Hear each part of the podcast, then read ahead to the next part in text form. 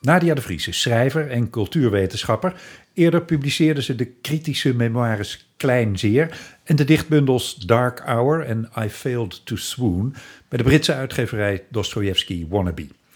In 2020 verdedigde ze haar proefschrift over de online afbeelding van het dode menselijke lichaam aan de Universiteit van Amsterdam. En in datzelfde jaar won ze de basisprijs voor de jonge kunstkritiek. Ze schrijft over kunst voor onder andere het Parool, Metropolis M en De Witte Raaf. En is redacteur bij NIE. Maar nu is er De Bakvis, haar eerste roman. Welkom Nadia. Dankjewel.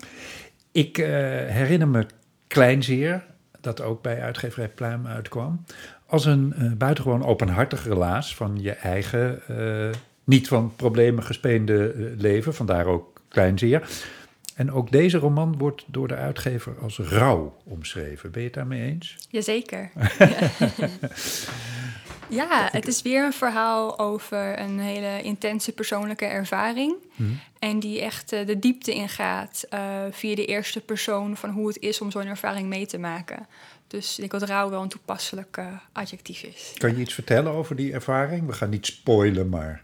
Ja, het gaat over een, een, een vrouw van de 30 die precies 20 jaar geleden op 13-jarige leeftijd haar vader is verloren. Mm Op een hele tragische, uh, extreme wijze. En haar hele jeugd lang heeft ze daar geen uh, ja, last van gehad of heeft ze dat onderdrukt. En precies 20 jaar later komt dat ineens, dat daalt dat besef bij haar in. En dan begint haar hele realiteit uh, af te breken. Hmm. Want wat gebeurt er dan concreet? Hoe, hoe, hoe ziet dat eruit als je realiteit afbreekt? Uh, nou, hoe ik het zelf aanvankelijk het verhaal omschreef was een sprookje. Want er gebeuren bepaalde sprookjesachtige uh, dingen die zich in haar alledaagse leven gaan mengen. En de realiteit en het droomachtige en het hallucinante, dat gaan met elkaar, die raken met elkaar verweven. En daardoor raakt ze heel erg geïsoleerd eigenlijk, de hoofdpersoon. Aha, ze, ze, ze komt in een, wereld uh, terecht die andere mensen niet meer begrijpen. Ja, Zoiets. ja precies. Ja. En, het, en wat ik zelf het, het prettige aan de roman vind, is dat ik het in de eerste persoon heb geschreven. Ja. Dus als lezer ga je heel erg mee met de hoofdpersoon en snap je niet wanneer die realiteit ophoudt en wanneer ze eigenlijk die, die, die, die sprookjes of die droomwereld betreedt. En je moet zelf eigenlijk afleiden aan de omgeving of, of de reacties die ze krijgt, wat er werkelijk gebeurt. Aha. Uh, en dat, dat benadrukt voor mij ook die isolatie die je kan voelen als je een, een extreem verleden hebt. En, uh, en je dan toch moet aarden binnen het alledaagse en binnen het, het gewone eigenlijk. Ja. ja, en waarom wilde je die ervaring gebruiken in een roman? Wat, ik, wat je ook eerder al zei, in mijn vorige boek heb ik een eigen persoonlijke ervaringen gebruikt. Ik Ja. heb zelf ook um, dus ervaring met uh, een, een, ja, een vrij extreme jeugd, hoe dat dan weerklank heeft op je volwassen leven. Ja, Maar juist omdat mijn eerste boek, uh, geen roman, een non-fictieboek, zo erg op het de werkelijkheid zat, wilde ik heel graag weten hoe het was om me in te leven in een ervaring die ik niet zelf heb meegemaakt, maar Ja. waar ik wel die, diezelfde identiteit uit kon halen. Dus daarom vond ik dat belangrijk voor mijn eigen schrijverschap. Van hoe kan ik heel uh, intensief een belevenis ingaan zonder die belevenis zelf ervaren te hebben. aha. Dus dat, dat isolement, die sprookjesachtige wereld, uh, die heb jij ontworpen. Ja, Die ja. heb je niet meegemaakt. Nee, nee, Nee. precies. En dat vond ik ook het allermoeilijkste aan, het, aan dit boek. Uh. Aan een roman schrijft. Dat je alles, dat je elke, elk, de grens van elk kader zelf moet bedenken. En uh, ja, dat was een flinke uitdaging. Ja, maar ik begrijp dat we als lezer dus uh, in die wereld zitten. Dat we, je hebt natuurlijk de, af, de, afgelopen jaren een paar hele mooie romans gehad over bijvoorbeeld autistische hoofdfiguren, die ook helemaal vanuit zo'n persoon geschreven waren, zodat je als het ware de autistische ervaring meemaakt als, als lezer. Dat, dat heb jij ook willen bereiken. Ja, precies. Ja. Hm. Ja, dat is precies waar ik op uit was. Om, dat je eigenlijk als, als een lezer langzaam verleid wordt om, om ja, tussen de aanhalingstekens de gekte van de hoofdpersoon in te stappen. Ja. En dat je dan voor jezelf moet afvragen uh, waar de grenzen zijn van het normale en het ziekelijke uh, in, in deze ervaring. Ja, ja. Dan begrijp ik ook dat er op een gegeven moment um, een curieuze wending komt. In die zin dat, dat de hoofdpersoon probeert ook uit dat isolement te komen of uit die wereld, want daar voelt ze zich niet prettig in. Het voelt niet werkelijk. Het voelt niet Hm? alsof ze daar enig eigenaarschap over kan uitoefenen. Ja, en wat er dus gebeurt, eh, zij heeft enkele, enkele jaren na haar, eh, de dood van haar vader, heeft ze een, een aantal zelfportretten gemaakt. Ehm, Zelfportretten als in geschilderd? Of, Nee, met, met, met een camera. Ah, het, met speelt, een het speelt zich wel af in de ja, late jaren 2000, dus Ja. er hebben wel camera's. En dus heeft dus als, als puber heeft zij naaktfoto's van zichzelf gemaakt, puur om te zien van mijn vader is dood, wat voor weerslag heeft dat op mijn lichaam gehad, hoe ziet mijn lichaam eruit nu dat mijn vader een aantal jaar dood is. En die foto's herontdekt ze dus als ze dan eh dertiger is en ze besluit ehm, dan die foto's online te zetten, omdat ze over die foto's wel eigenaarschap heeft. Mhm. En ze wil dan zien wat er gaat gebeuren. Iets werkelijkers dan die foto's en haar lichaam Precies. is er niet voor haar. Dus Precies, ja. ja. ja, En, en die wil ze dan online zetten als materiaal waar mensen op kunnen reageren. Want ze kan haar eigen innerlijke wereld en haar gevoelens kan ze niet delen, maar die foto's wel. ja. Alleen het punt is, daar begint ook die, die aftakeling... dat als de gemiddelde volwassene een naaktfoto van een kind ziet... dat niet de reactie is van... oh, we gaan even een leuke dialoog aan met elkaar. Er zijn heel veel verschillende reacties op. En daar begint in het boek dan ook die splitsing... tussen haar belevenis en hoe de wereld daarop kijkt... van hoe, hoe, eh, hoe oké dat is, laat ik het zo zeggen. ja. Met, met andere woorden, ze had buiten de werkelijkheid gerekend. Ja, precies. ja. Ja, want zo, zo- nogmaals, zonder te spoilen, maar wat, ja, wat kan je zeggen over wat er dan gebeurt? Eh, nou, het loopt niet goed af eh, met haar. Eh, nou, op zich moet ik niet zeggen, want ik denk dat het boek wel goed afloopt in principe. Maar wat er natuurlijk met haar gebeurt is, Hmm. er zijn dus wel bepaalde juridische consequenties verbonden aan wat zij, wat zij doet met die foto's.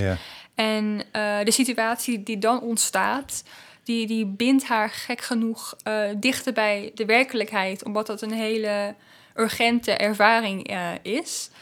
Eh, waardoor ze weer een beetje terugkomt in Ja. het alledaagse en ook weer de waardering voor het alledaagse kan vinden. En eh, zichzelf kan loskoppelen van die eh, extreme gebeurtenis uit haar jeugd en weer terug in het ehm, heden kan stappen. En, en dat is ook waar de titel van het boek een rol speelt. Want de bakvis is natuurlijk een, een beetje een jong puberaal, Ja. eh, een, ja, bijna labiel iemand kun je zeggen. Een beetje een gillend tienermeisje is het beeld wat naar voren komt. Mhm. En dat is eigenlijk de persoon die zij in die, die episode met die foto's weer wordt. En dan kan ze langzaam, da- daarna als het eenmaal voorbij is, kan ze langzaam weer afstand doen van die identiteit. En weer haar eigen verantwoordelijkheid als volwassene nemen. Ja, ja. Dus, dus eigenlijk biedt eh, dat online zetten van die zelfportretten van haar... het biedt niet de oplossing die ze verwacht... maar het biedt wel een, een oplossing. En dat, dat is natuurlijk, ja, gek genoeg is dat vaak zo. Als, als je de weg kwijt bent of je komt in zo'n rare wereld... als er dan echt iets ergs gebeurt... dan word je opeens weer teruggeworpen in de werkelijkheid. Ja. En dat kan helpen. Zeker, ja. Ja. En ook er zit een bepaald, ook als er een bepaald moment van geweld, dat inderdaad dat, dat je in je eigen persoonlijkheid moet kiezen van wie ga ik nu zijn. Van ik kan nu deze splitsing op of ik kan nu deze splitsing, eh, deze weg op van de splitsing. Er is geen tussenweg. Ja, En dat zijn natuurlijk ook de momenten in je leven waar je zelf als mens eh, de meeste groei eh, ervaart. Althans, in mijn eigen ervaring is dat zo. Mhm. En dat wilde ik dit personage ook laten ondergaan. Dat er een, een, een situatie ontstaat die zodanig extreem is dat er maar één.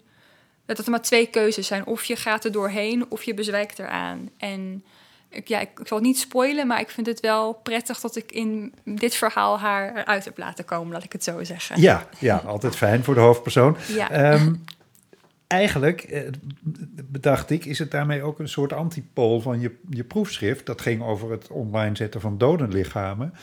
En dit van extreem levende, want naakte jonge meisjeslichamen. Was dat ook een gedachte die je had bij het schrijven? Ja, zeker. Dat is heel scherp opgemerkt. Want eh, het idee voor dit boek ontstond ook tijdens het afronden van mijn proefschrift. Eh, want er was ook een casus van een jong meisje die ik in mijn proefschrift wilde verwerken. eh, Hm. Maar dat paste niet meer. Maar ik vond het wel een heel fascinerend verhaal. Eh, het had te maken met wraakporno. En ik kende dat hele fenomeen niet, wraakporno. Het is dus als, als je een relatie hebt gehad met iemand... en Ja. je hebt bijvoorbeeld intieme foto's van diegene... En, dat je, en als dan de relatie stuk loopt, dan zet je die online om toch je ex-geliefde weer een beetje terug te eisen. Mhm. En er was toen twee jaar geleden een verhaal op het nieuws van een 13-jarig meisje die dat was overkomen. En die daarna ehm, eh, zichzelf van het leven had ontnomen. Hm. En dat vond ik zo'n heftig verhaal. Want ik kan mezelf nog zo, zo goed voorstellen hoe kwetsbaar ik op mijn dertiende was. Mhm. En omdat zo'n kind dat dan ondergaat, dat van jeetje. Dus ik heb daar heel erg mee rondgelopen ehm, met dat verhaal. En toen dacht ik van, wat als je wra- wraakporno maakt van je eigen verleden? Van als je als je, je eigen jeugd wil terug-eigenen op zo'n gewelddadige, eh, vrij gemene manier. Mhm. Dat is wat er nu in de bakvis eh, gebeurt. Dus het is inderdaad eh, geïnspireerd op, op ervaring of, of, of nieuwsberichten... die ik heel graag in mijn proefschrift had willen opnemen, maar die niet pasten. Maar in deze roman hopelijk wel. Ja, mooi. Is het daarmee ook mede een, een commentaar op de huidige beeld- en selfie-cultuur?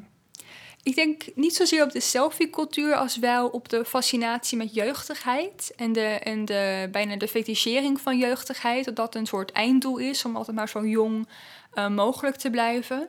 Maar ik vind dat zelf altijd heel twijfelachtig. Omdat jonge mensen ook heel kwetsbaar zijn. En heel makkelijk ehm, ja, te beïnvloeden. En een van de fijne dingen aan het ouder worden vind ik zelf dat je jezelf beter leert kennen. En ook wat, wat, wat steviger wordt in jezelf.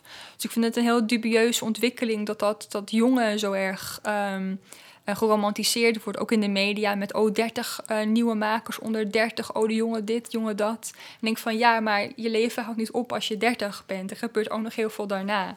Dus het is meer een kritiek op de, de obsessie met jeugdigheid in Ja. de, de huidige cultuur. Ja. En alsof het zo leuk is om jong te zijn.